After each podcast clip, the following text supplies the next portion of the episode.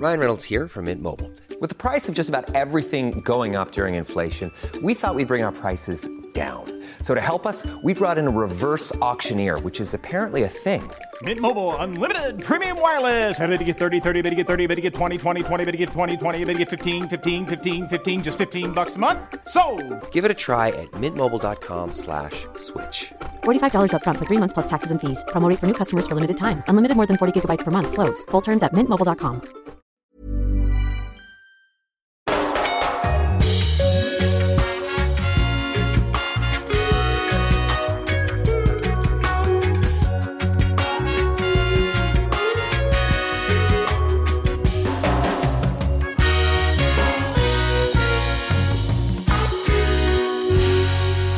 Ja, lite senare kanske än vad vi hade tänkt oss, men nu är vi här igen. Vi behövde återhämta oss. Det här är ju den stora galaveckan. Hur mår du Makoto?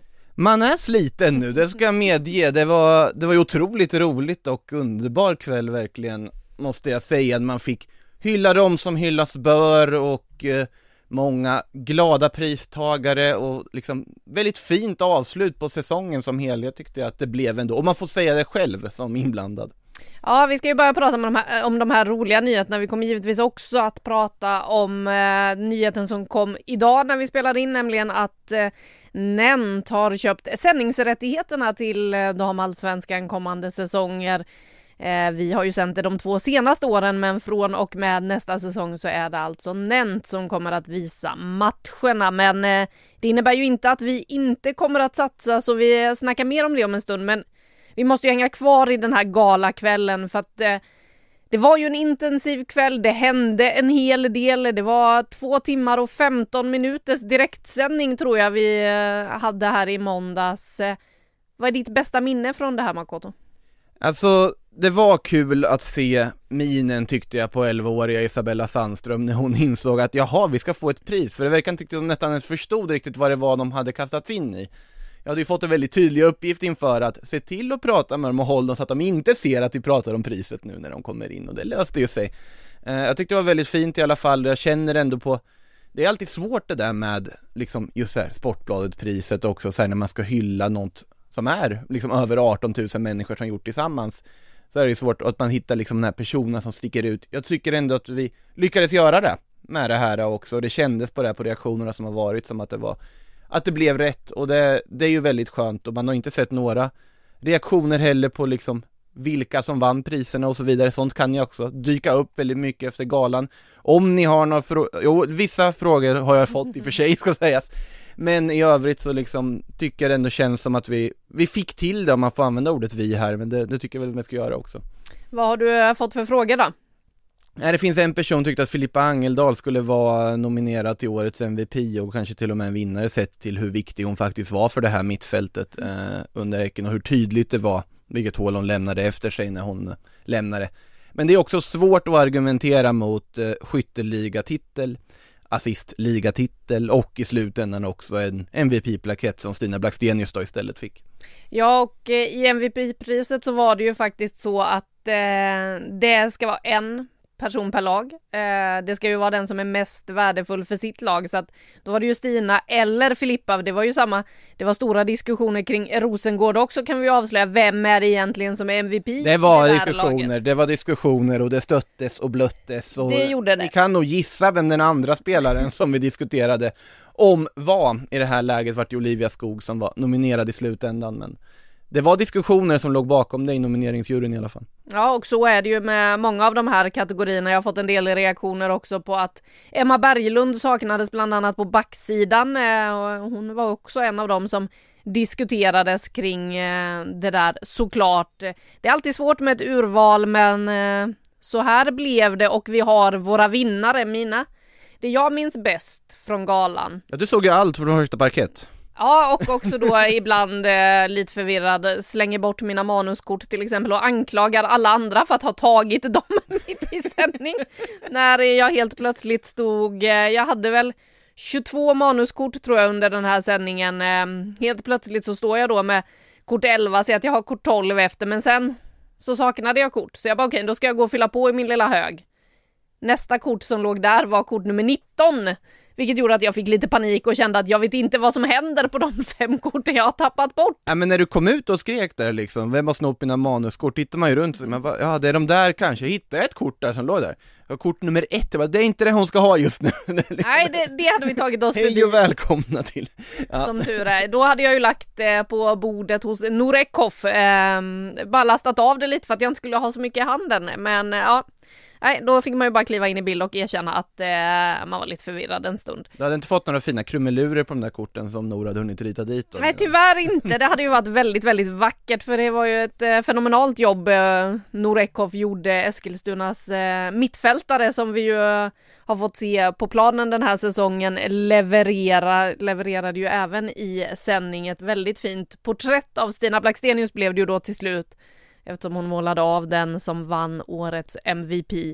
Men eh, det jag tyckte var det finaste tror jag, det var nog systrarna.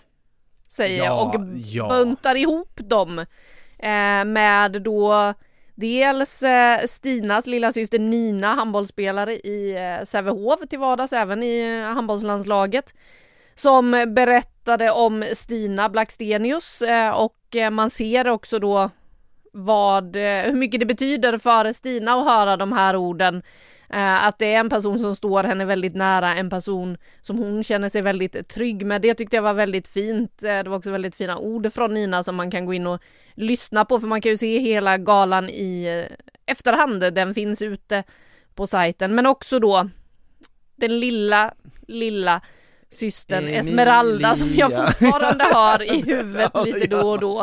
Eh, när man går runt och det är helt tyst så kan den rösten dyka upp och ja, E- Emilias eh, reaktion på det säger ju allting. Det var ju otroligt fint. Alltså det jag tänkte också efter den där inledande sången som jag, den, ja, den, den upplevs bäst, gå in och titta på det om ni inte har gjort det för att det, det, det etsar sig fast i huvudet av positiva aspekter liksom. Finns både i hela galan och på sociala medier. Ja, och eh, men därefter när man de ska berätta då att såklart Emilia har vunnit priset, vilket jag naturligtvis förstår efter den inledande sången Men man tänker ju att de liksom släktträffarna med hela det här gänget som har samlats där, det måste vara otroligt stökigt och glatt kan man tänka sig också. De var väl i och för sig alla de där var väl samlade nästan på den där matchen när de spelade mot Linköping borta när de hade samlat Jajamän.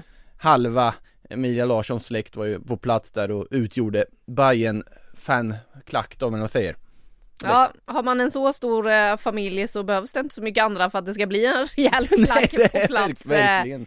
Väldigt, väldigt fint och sen eh, så är det ju alltid kul att minnas tillbaka och lite sorgligt när man behöver eh, tacka folk för det de har gjort för den här serien Ja. som eh, spelare som slutar. Vi hade ju Petra Johansson, Emily Lundberg och June Pedersen på plats. Eh, och det är ju tre färgstarka profiler. Petra hade vi ju faktiskt med här i podden redan förra veckan efter beskedet att hon lägger av. Eh, och eh, dessutom då domaren Pernilla Larsson som har dömt flest matcher i damallsvenskans historia har ju också nu bestämt sig för att ja, den där gången hon höjde skylten på stadion mot eh, när det var Djurgården mot Rosengård i den sista omgången, det var sista gången. Och det är ju lite vemodigt när eh, profiler och eh, färgstarka människor i serien lämnar. Ja, det känns fint att ha fått eh, tacka av några av dem som slutar här nu i alla fall, liksom under den här galan som de fick möjligheten att göra. Ska ju säga att det var lite spontant, så att våran producent var kanske inte jätteöverlycklig när vi la in en extra programpunkt. kort, kort liksom, med sent omsider inför galan, men det löste ju sig där också. Låt oss säga att det finns vissa av mina idéer han uppskattar mer än andra, framförallt när jag kommer på dem i sista. Det var alltså personen med mössa och glasögon inne i kontrollrummet för er, för er som lyssnar. Han ville helst hålla sig anonym, så jag lovar inte säga hans namn, men det är han vi syftar på i alla fall. Ja, en eh, klippa bakom den här galan att den blev av och eh, det var ju också väldigt härligt att få ha spelare på plats, eh, att Eh, få ta del av känslan, att få dela ut prisen eh, och att få överraska. Det, ett annat favoritmoment var ju också Eh, för det blir ju alltid lite fel i livesändning, vilket är charmen med livesändning. Eh, det var ju så att vi tyvärr inte fick tag på Katarina Veje. Eh, vi skulle ha ringt upp henne, hon eh, hade dragits med lite sjukdomsbesvär som gjorde att hon inte var på plats i Malmö men då skulle vi fått ringa upp henne. Det var tydligen något strul med att ringa utländska nummer tror jag som eh, störde det där för att eh, Katrine skulle varit med. Men då blev det ju att eh, Rosengård fick eh, slänga fram någon annan representant istället och eh, inkliver lagkapten Caroline Seger, van att stå framför kameran, van att prata Eh, men det blev ju i sista stund så hon visste ju inte riktigt vad som väntade men hon var ju jäkligt redo med det där smset som vi hade skickat som vi, där vi då visste att hon vann. Och eh, Seger höll på att dra av det innan vi hade dragit eh, vinnarklippet där vår prisutdelare Moa Lundgren skulle få berätta vem av eh, backarna som hade vunnit det här. Eh, det tycker jag var ett fint moment och det upp alltså det är ju sånt som händer i live-tv. Ja, ja, alltså jag blev ju tillsagd, du ska absolut inte springa mot kameran under hela sändningen, men visst gjorde jag det här med den där eh, planschen till Jelena Cankovic också till eh, Ja, jag vet inte om det var liksom till allas glädje direkt, men det var, det var det som hände i alla fall och ibland får man ju bara improvisera och så, och det lyckades vi ändå göra, får vi klappa oss själva på axeln ändå. Ska vi inte sitta och hylla oss själva hela tiden här och hela det här för länge men Nej nej, men vi överlevde i alla fall två timmar och 15 minuter Det och det var väldigt härligt och eh, Förhoppningsvis eh, så kommer vi att eh, dyka upp på samma sätt även nästa år. Ambitionen är ju att fortsätta damallsvenskans bästa. Den ska inte gå och lägga sig och dö nu bara för att rättigheterna hamnar någon annanstans utan vi vill ju fortfarande hålla i vår ambition att vi ska minnas, prisa och hylla damallsvenskans bästa i slutet av varje säsong. Ja, och sen måste jag också bara lägga till att eh, det var ju skönt att se i alla fall att det är målet som jag vet att jag hyllat i den här podden och sagt att jag kommer typ avgå och eh, lämna mitt jobb om inte det här vinner, att det också vann. Ja, norska röstkupper och annat var med där. Det brukar inte vara sånt Oavsett hur det gick till. Det brukar inte vara sånt norskt flöde på Sportbladets eh, sociala medier förrän skidsäsongen drar igång och den är ju fortfarande en vecka bort om vi ska se till när Sverige-Norge-hetsen då börjar med världscuppremiär i Ruka. Eh, så att eh, de kom in lite tidigare i år tack vare Guro Pettersen eh, som fick med sig, eh, jag tror att det var landslagskollegor och så vidare så att eh, ja det var ett finbesök inne för att eh, rösta fram Guro Pettersens mål och ja en värdig vinnare får vi ju säga till det där priset. Också en väldigt glad vinnare. Ja, verkligen. Det, det var, tyckte jag ändå var ganska tydligt på alla småplatser. De blev väldigt glada för sina vinster. Det är ganska uppenbart att såklart man blir glad att vinna ett pris på en gala. Det är väldigt få förunnat och det är ju ett det är där vi kan konstatera att det är ju ett gäng otroligt välförtjänta pristagare som fick lämna med blombuketter från Aftonbladet huset där under måndagskvällen i alla fall. Och eh, det, jag har fått några frågor om så här, "Jaha, men hur har ni tagit ut de här vinnarna då? Och eh, det kan vi väl säga, jag sa väl det kanske någon gång under sändning, tror jag. Ja, det stod i mitt manus i alla fall.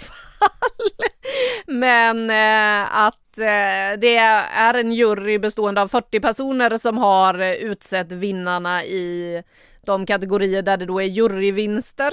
Eh, och eh, de 40 det är då alla lagkaptener, det är alla tränare och så är det 16 eh, experter eller profiler som finns runt damallsvenskan, journalister som bevakar damallsvenskan på nära håll som har varit med och sagt sitt utifrån då nomineringslistan. Ja, och här har man ju då fått rangordna 3, 2, 1 på de tre nominerade och de nominerade togs ju ut via en nomineringsjury med, ja det är bland annat vi två var inblandade kan vi avslöja, men även andra experter och sådana som är väldigt kunniga inom den här serien.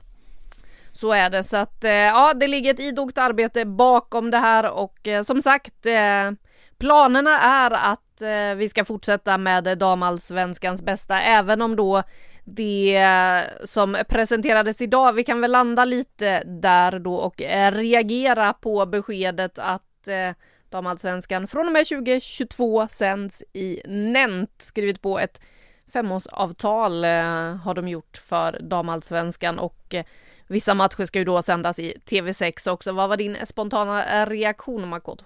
Ja, alltså spontana reaktionen är väl, jag var faktiskt lite förvånad för jag hade faktiskt inte det här på förhand, ska jag ärligt talat säga. Men såklart, sett till summorna det har rapporterats om, sett till att det är ett femårsavtal, sett till vad Alltså vilket ändå etablerat bolag det är med, som har haft Premier League-sändningarna lång tid och så vidare och så många, liksom TV6 också en kanal som väldigt många människor har. Och med, framförallt kanske med tanke på också pengarna det kostade på så vis. Så såklart att det här är jättekul att det är värderat så pass högt. Att man skriver ett femårsavtal och visar att vi vill satsa på det här. Och det är ju den reaktionen man har sett runt om i liksom klubbarna också tycker jag här och sen är det ju, det är ju svårt att prata om det som liksom målsägande part i sammanhanget, samtidigt tycker man ju såklart att det är jättetråkigt att vi inte sänder det någon mer, men såklart om man ser den stora bilden att, att folk, eller liksom mediebolag, stora mediebolag ser det som en spännande rättighet, betalar stora pengar, skriver långa avtal, femårsavtal, tycker jag är ganska långt också. Såklart att det finns något positivt i det. Ja och eh, ska man vara krass så är det väl egentligen ett underbetyg till tv-bolagen tidigare att ingen har hoppat på att vi har kunnat ha det under två års tid eh, och haft möjligheten att eh, sända damallsvenskans eh, alla matcher, för det är ju faktiskt det vi har gjort. Alla matcher mm. har funnits att se på Sportbladet Play. Vi har ökat bevakningen. Vi har lyft eh, väldigt mycket och eh, jag kommer väl framförallt eh, om jag ska prata ur egen synpunkt, verkligen, verkligen saknat kommentera matcherna ja. som jag har gjort en hel del under den här säsongen. Eh, det som eh, blir istället nu, det blir ju att eh, jag kommer ha väldigt mycket mer tid att fokusera på journalistiken runt. Det kommer inte vara så mycket sändningar och sådär att förbereda utan vi kan göra en massa annat som kanske inte riktigt har funnits tid till tidigare kring damfotbollen. Det är ju inte så att eh, jag kommer sluta bevaka damfotboll bara för att vi blir av med sändningsrättigheten för att det är ju så att eh, Ska man vara ärlig, vi, det är damallsvenskan och det är bandy vi har sändningsrätteter för just nu. Det är ju inget annat vi har Copa det. Copa del Rey är det väl? Ja, det dyker väl upp eh, lite då och då i alla fall. lite eh, ja, jag håller den väldigt varmt om hjärtat de senaste två åren. ja, det, det vet jag. Men eh, det är ju inte så att eh, alla andra av våra bevakningsområden, där har vi ju inga sändningsrättigheter och det är ju inte så att vi inte skriver om det. Det är ju snarare tvärtom, det här ger oss möjlighet att bevaka en hel del annat, eh, så att det ska bli väldigt spännande. Ja, men jag... om, vi, om vi ska vara lite liksom hårda mot oss själva, det här är ju lite upp till bevis här nu. Det är såklart att vi ska väl visa här nu att, ja men vi kan fortfarande ha en väldigt bra nyhetsprodukt även fast vi inte är sändande bolag, för det blir ju alltid så när man gör en satsning och har en rättighet. Att då kommer folk reagera att ja men Alltså de har ju rättigheten såklart de pusha den, men det här handlar inte bara om att ha haft en rättighet och det är väl där nu som är upp till bevis och visar också.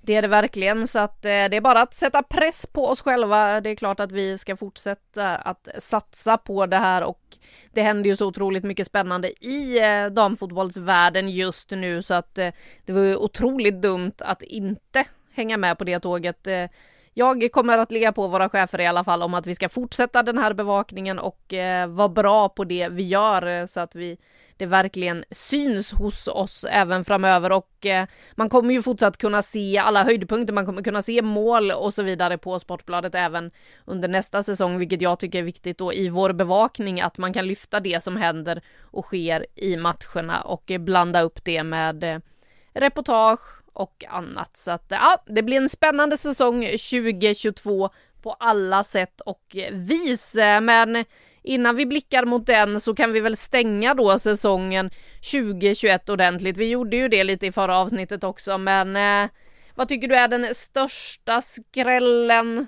säsongen 2021?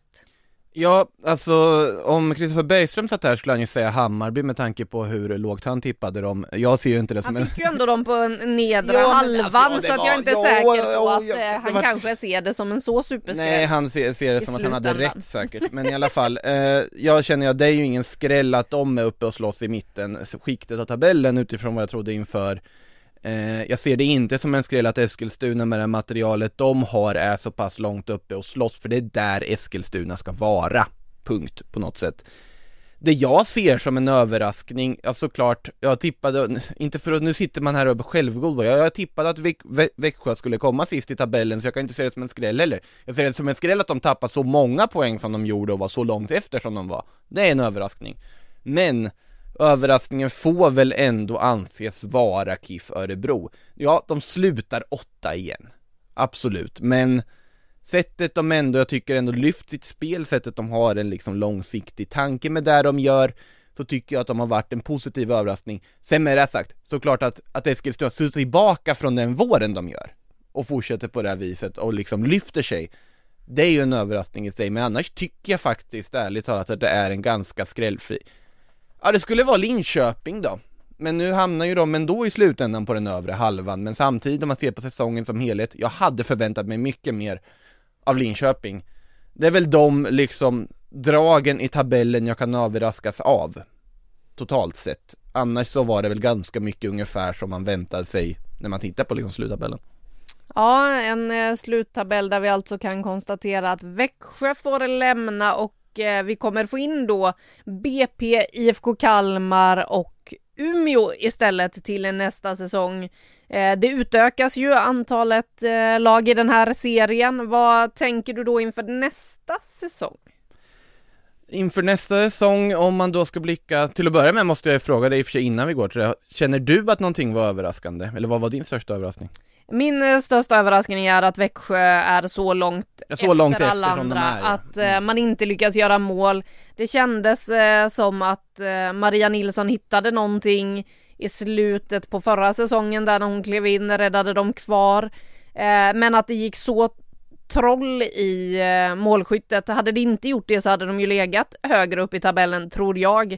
Med tanke på att man lyckades hålla tätt bakåt i början. Man har skapat en hel del Eh, ändå trots allt, jag har för mig att man inte är laget som skapade minst antal chanser under säsongen så att, att Växjö faktiskt eh, landade så pass eh, långt ner och inte lyckades göra mål framförallt på alla chanser man skapade, allting man gjorde så tycker jag att det känns eh, som att det är eh, den stora skrällen. Ja.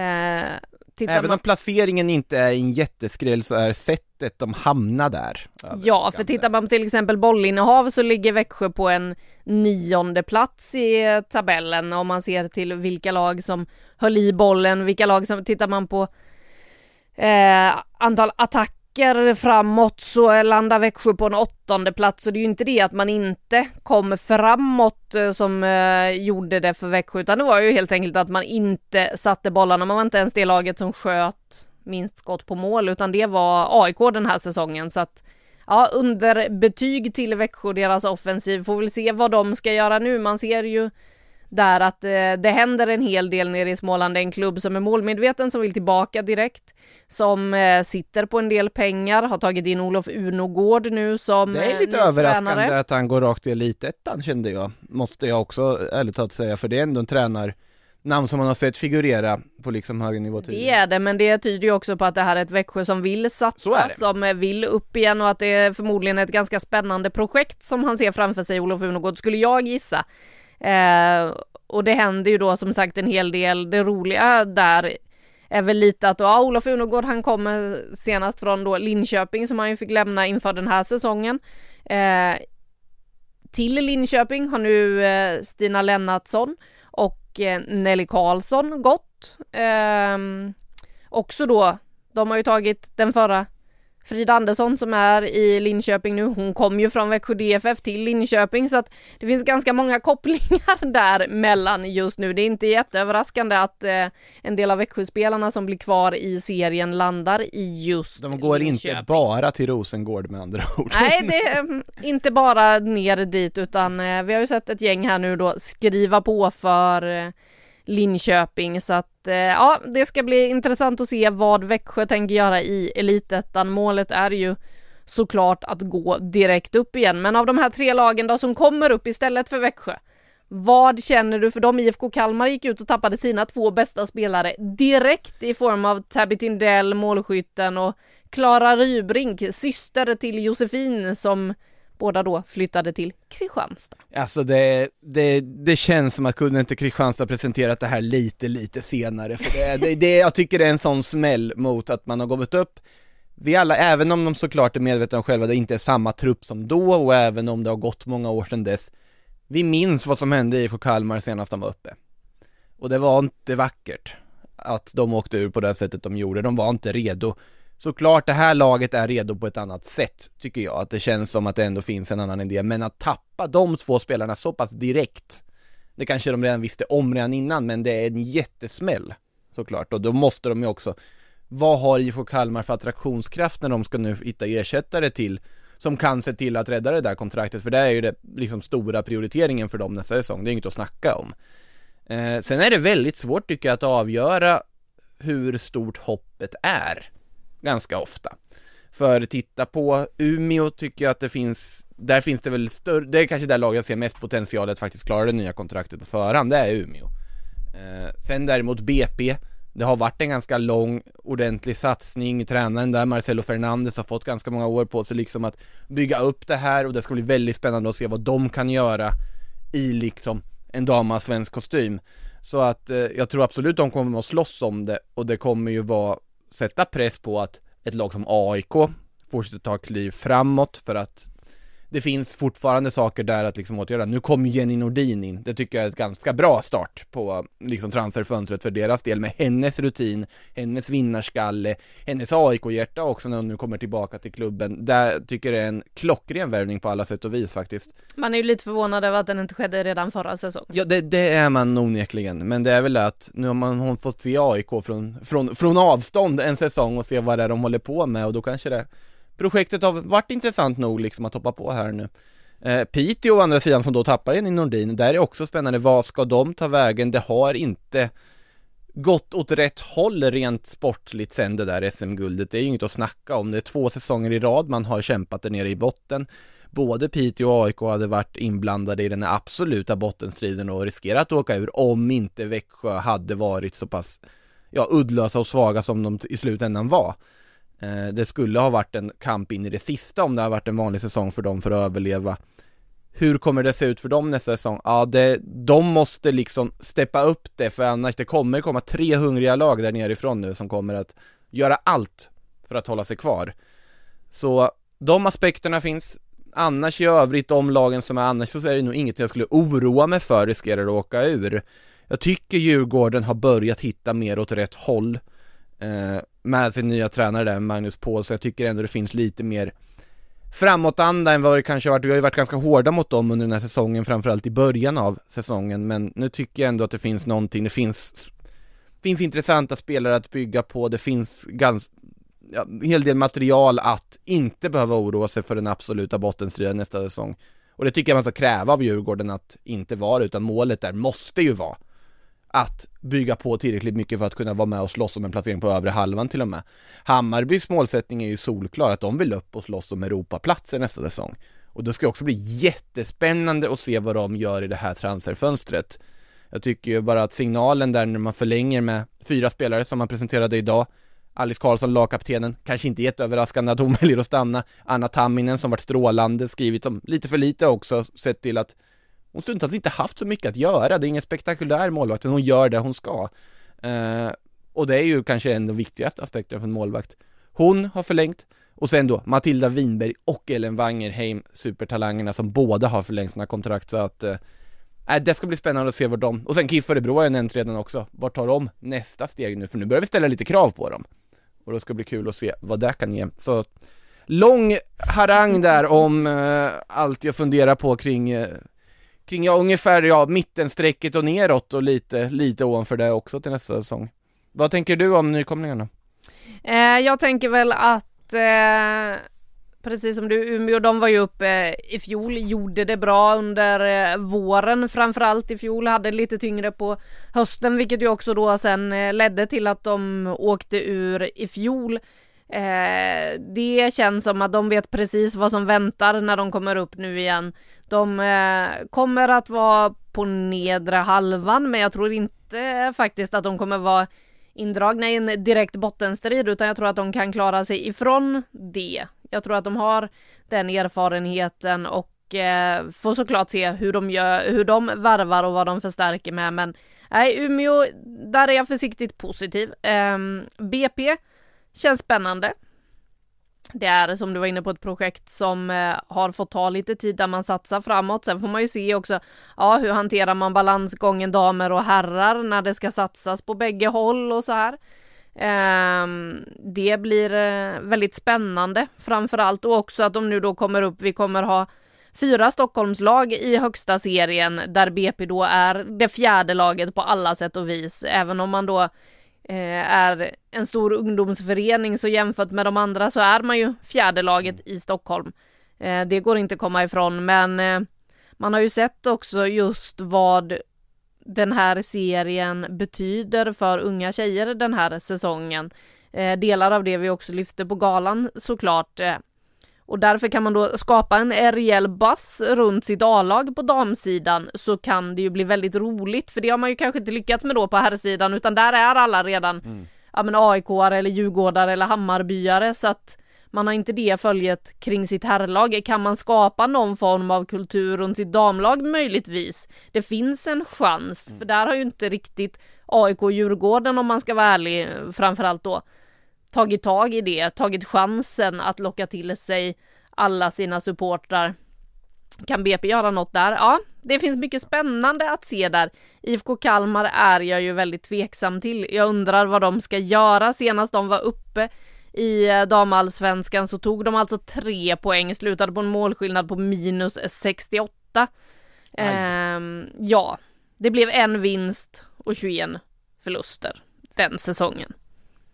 Och då hade de ändå Matilda Johansson på topp som en notorisk målskytt på alla sätt och vis men det, likväl så liksom lossnar det inte. Nu är det som sagt ett annat lag, det är ett ungt lag, det är ett lag som till stor del är oprövade på den damallsvenska nivån och då är det ju också en smäll att tappa. Alltså man hade ju velat se Tabby Tindell vad hon skulle kunna göra på topp liksom för IFK Kalmar. Såklart att det är en supervärvning av Kristianstad, en jättesmart rekrytering av dem och såklart att plocka in Josefin Rybrings syster också in i mittlåset där också. Det är, det är ju av förklarliga skäl också en jättesmart värvning. Eh, nej, det det är ju det och sen det vet vi ju också Det är tufft för Kalmar alltså, att få den där smällen direkt tycker jag. Det är det verkligen och sen vet man ju också att eh, Det är inte lika lätt att ösa in mål i damallsvenskan som det är i elitettan. Så är det. Eh, det har vi sett eh, de senaste säsongerna att eh, bara för att man har gjort tvåsiffrigt antal mål i elitettan och kanske vunnit skytteligan där, ja men då kanske man inte kommer gå in och ösa in målen i damallsvenskan. Emilia Larsson gjorde ju dock det. Hon visade att det går att göra en hel del mål. Sen är det ju få som kommer upp på de siffrorna man gör i elitettan som eh, Henrika Honkanen vann ju skytteligan i elitettan den här säsongen på 22 mål, Umeåanfallaren. Eh, hon ska väl vara glad om hon möjligtvis kommer upp i tvåsiffrigt ska hon vara väldigt nöjd skulle jag säga. Hon har gjort en fantastisk säsong i sånt fall. Ja, man kan väl räkna snarare med att har man öst in mål där, ja men då kanske man landar runt 7-8 i damallsvenskan en bra säsong. Det är ja. inte så, alltså jag menar Stina Blackstenius gör 17 mål och det är världsklass i princip av Stina Blackstenius. Eh, hon eh, var ju, ju helt otrolig. Inte för, att vara, inte för att vara sån mot elitettan, men det finns ju lag som du kan bara kasta in mål mot på ett annat sätt. Det finns inte i damallsvenskan. Du får Nej. inte den typen. Och när du kommer upp som nykomling såklart då kommer inte du vara ett av topplagen. Det finns vissa motstånd du kommer sannolikt att förlora mot i nio av tio fall.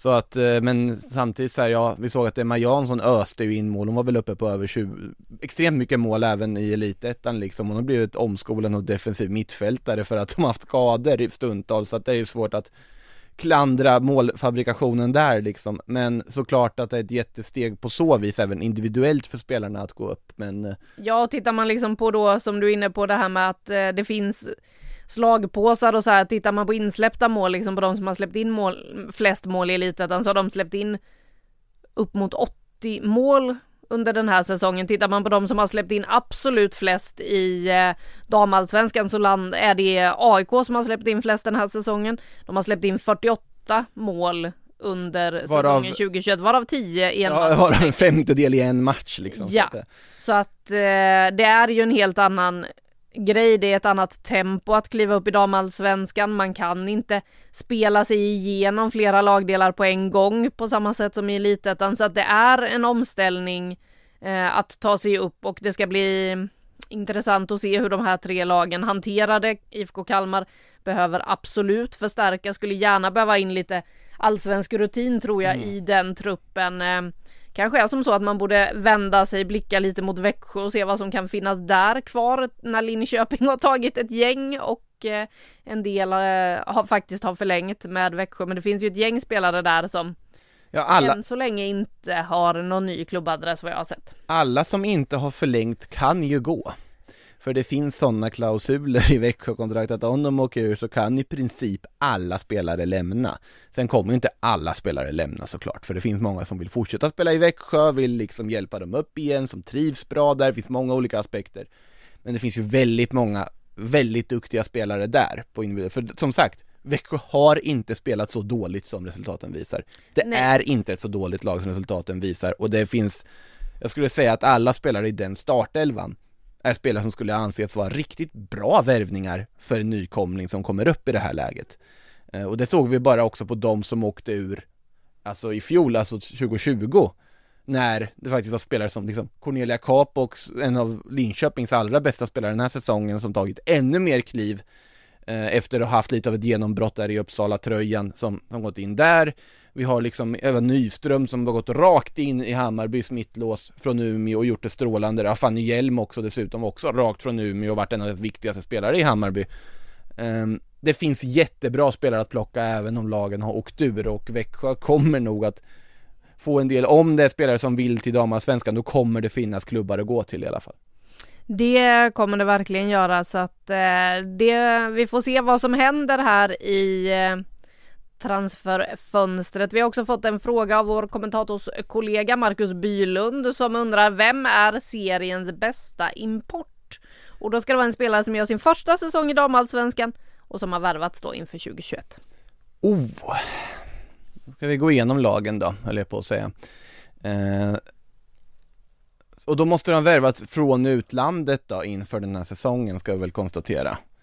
Till att börja med. Exakt, med Och- tanke på att det ska handla om en import. Ja, och då har vi ju så här, jag tänker ju på, alltså nu är jag ju lite bias i fallet, men såklart man tänker på liksom värvningen av Honoka Hayashi till AIK. Det Såklart var väldigt, väldigt låga odds på att det Ja såklart man tänker på där. den eh, För övrigt också närvarande på galan senast Mm. och ver- verkar ha haft en väldigt trevlig kväll också om man ska tro det man fick höra efter Även om hon sa att hon inte förstod så mycket av det som sades För att det var liksom ju, galan var på svenska Ja det var ju ytterst få moment som var på engelska och där jag eh, vet inte vad som hände i mitt huvud men flera gånger var min engelska eh, mycket, mycket svag.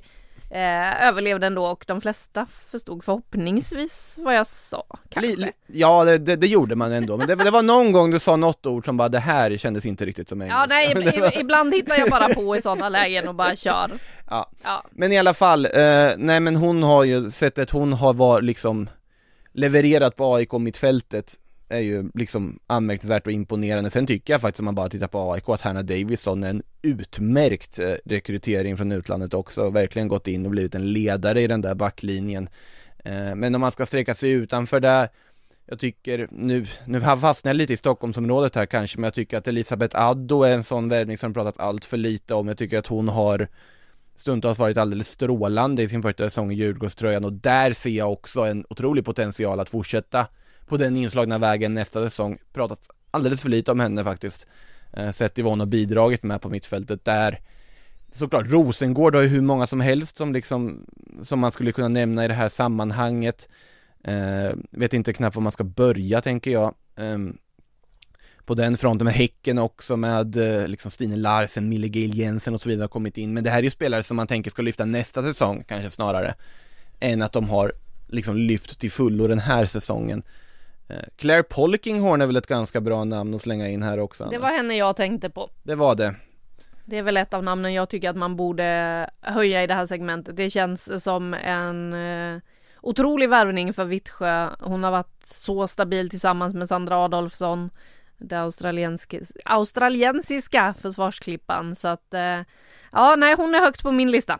Ja, alltså det var ju framförallt det, alltså hon, hon har ju varit en av seriens absolut bästa backar den här säsongen. Ska sägas också ett namn som diskuterades naturligtvis i nomineringarna till eh, ett visst försvarspris. Men, eh, alltså det som slår mig mest med hennes säsong är något så pass banalt som en, en liksom offensiv löpning som inte gav någonting i en match de spelade mot Häcken.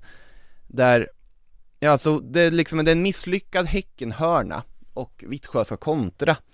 Och Claire Polkinghorn är naturligtvis i eget straffområde då när den här bollen slås in.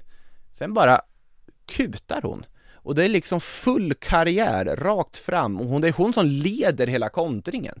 Hon springer vidare, den pass, någon passning som går fel så det rinner ut i sanden, bollen hem till liksom målvakten. Men det är Polkingård som då sätter första pressen in på målvakten in i motsatt straffområde. Och jag, jag älskar mittbackar som gör sånt. Det, jag vet inte om det är så bra, jag vet inte om en tränare blir så glad av att se sin mittback springa iväg till motsatt straffområde i ett sånt läge. Men jag blir så glad att se det. Eh, men sen är hon också en fruktansvärt bra försvarare i övrigt också, så att jag håller helt med om att hon är absolut en kandidat att lyftas där. Och sen så har vi ju även ett eh, annat namn som jag tänkte på som kanske inte gjorde riktigt så mycket mål som det kändes som i början på säsongen eh, i Sveindis Jonsdottir ja. i Kristianstad som ju var på lån den här säsongen från Wolfsburg och eh, ja, det är ju en otrolig talang, eh, även om det kanske inte riktigt då gav så mycket mål som det kändes som i början när hon verkligen exploderade, men hon är ju målfarlig med sina inkast, eh, något som bland annat Rosengård fick smaka på där eh, hemma på Malmö IP när ett långt inkast från Jonsdottir skarvas in av Mia Karlsson så att eh, det tycker jag ju är en spännande som ska bli eh, väldigt eh, kul att se ute i Europa. Det ska bli intressant att se vad hon kan göra, hur långt hon kan gå, för vi fick ju lära känna henne den hårda vägen när Sverige kvalade mot Island och de här långa inkasten kom. Ja, det tror jag hela Sverige minns efter det så att eh, ja, vi får se vad som händer där. Nu är det ju så att eh, Norekov måste väl också slänga in. Ja, Men, det går att slänga in många namn här. Det finns väldigt mycket, alltså ja, det har vi sagt förut i den här podden men det är väl läge att säga det igen. En applåd till många av sportcheferna i den här serien som har gjort ett eh, otroligt jobb att hitta duktiga spelare till sina klubbar med de diverse möjligheter och liksom förutsättningar de har. Uppenbarligen har många lyckats väldigt bra. Ja, och eh, jobbet börjar ju eh, kanske om lite nu igen då, även om en del har suttit och signat en hel del förlängningar och sådär eh, redan. Vi får se vad som händer de närmaste veckorna. Nu eh, har ju ett gäng gått på semester, några har blivit klubblösa. Eh, typ Emma Kullberg, Julia Sigiotti, eller är de klubblösa? Vi vet inte. I skrivande stund så står de som klubblösa. Eh, är ju på väg någonstans, har spelat sina sista matcher i Häcken, ett Häcken som ju spelar Champions League ikväll när vi eh, poddar returmöte mot Benfica. Väldigt, väldigt spännande att se den matchen, se vad de kan åstadkomma och vad som kommer ske där. Eh.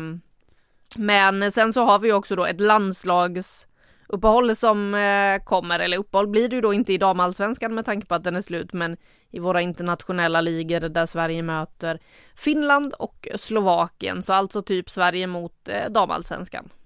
ja, i alla fall i första matchen. Jag vet inte hur många ja. slovakiskor Nej, det är inte så många som... slovakiskor, men den första matchen. Ja, det, det är ju Sverige mot damallsvenskan och jag tycker att det är eh, mer eller mindre ett krav att Finland ska ställa upp med en elva bestående helt av damallsvenska spelare, för det hade varit väldigt kul att se. Vi skickar den passningen till Alna Signol, eh, den svenska finska förbundskaptenen. Om du lyssnar på det här så vet du vad du ska göra och vad jag förväntar mig när jag faktiskt ska få äran att se matchen också i Göteborg nästa vecka. Det ska bli otroligt kul. Ja, jag ska se matchen på plats i Finland. Det blir eh, kallt och just härligt. Det, just det, det ska du. Ja, jag ska gå ut och ta tempen på gatorna i Finland. Det kanske inte är så hög temperatur på gatorna i Europa där jag kommer Det, det är det mig. väl aldrig va? Nej, det, det, är det verkligen aldrig. Jag har svårt att se att det är det ens liksom en högsommardag. Det är norra Finland det handlar om. Eh, där mörkret eh, ligger tätt den här tiden på året. Nej det är ju inte, det, det är inte liksom den mysigaste plats ni ska åka till för att uh, kicka igång skidsäsongen. Precis, det är ju det som väntar här nu men sen ska jag vidare ner till Malmö och se Slovakien-matchen så att uh, det blir väldigt roligt och det är ju passande att man kan ha samma kläder på sig nu när man sitter och tittar på fotboll som man kommer behöva när man är ute och bevakar skidor. Det är täckbyxor, det är underställ. Jag höll på att frysa ihjäl sista matchen på stadion här så att ja, jag kommer klä mig ordentligt när jag ska gå på fotboll i Malmö. Fast det kommer ju bli som när vi var på Skytteholm istället. Alltså det, det är fortfarande så här, den helgen. ja men det kommer inte ligga solen på inte i Rucka i alla fall, men alltså i Malmö Nej. kan det väl eh, liksom En vardagskväll i Malmö Då har solen en gått kväll, ja. ner. En kväll ja. Mm. Och just Du när den måste, var. också, du måste tänka på vilken tid matchen spelas. Det, Solen är inte uppe vid den tiden Makoto. Den, den lilla detaljen ja, just det. Just Inte det. ens i Sverige, det är inte bara i Ruka. Solen har- redan gått ner här utanför poddstudion väl också. Ja, säkert man kommer ut till mörkret, det är så deppigt. Ja, och Men ingen man- fotboll och, jo landslagsfotboll ja, men ingen, ingen nu- damallsvensk fotboll att Nu glömmer åt. du att det är Häcken ikväll igen! Ja, Champions League, hallå! just det. Glöm inte den, jag är supertaggad på att titta på Häcken-Benfica ikväll. Det var sant. Alltså det är så mycket fotboll att man glömmer fotboll. Det är så det är. Ja, eh, exakt så. Men hörni, vi ska inte dra ut på det här mer nu. Jag tror faktiskt att vi är klara för idag. Är vi till och med klara för säsongen? Ja, det vet man aldrig.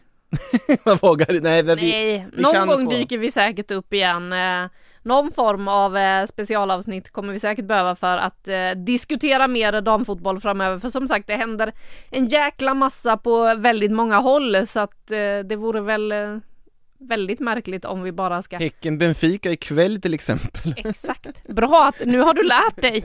Skönt. Eh, nej men eh, vi kommer såklart att komma tillbaka när ni minst anar det.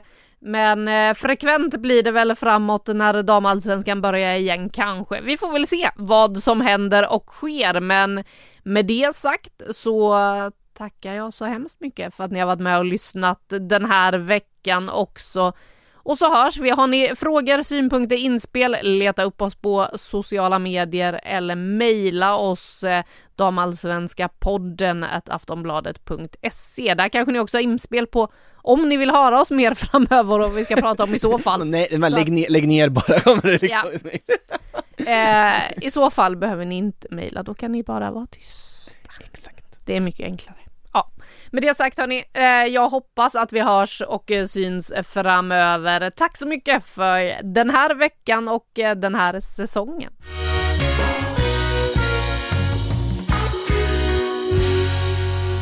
Du har lyssnat på en podcast från Aftonbladet. Ansvarig utgivare är Lena K. Getting engaged is a moment worth cherishing. A one of a kind ring that you design at Blue Nile can help your love sparkle. Just choose your diamond and setting. When you've found the one, you'll get it delivered right to your door. Finding the right engagement ring can be nerve wracking. At Blue Nile, you'll have the expert guidance needed and a diamond guarantee that ensures you're getting the highest quality at the best price. Cherish all of life's moments and save up to 30% at BlueNile.com. That's BlueNile.com. Samuelsson.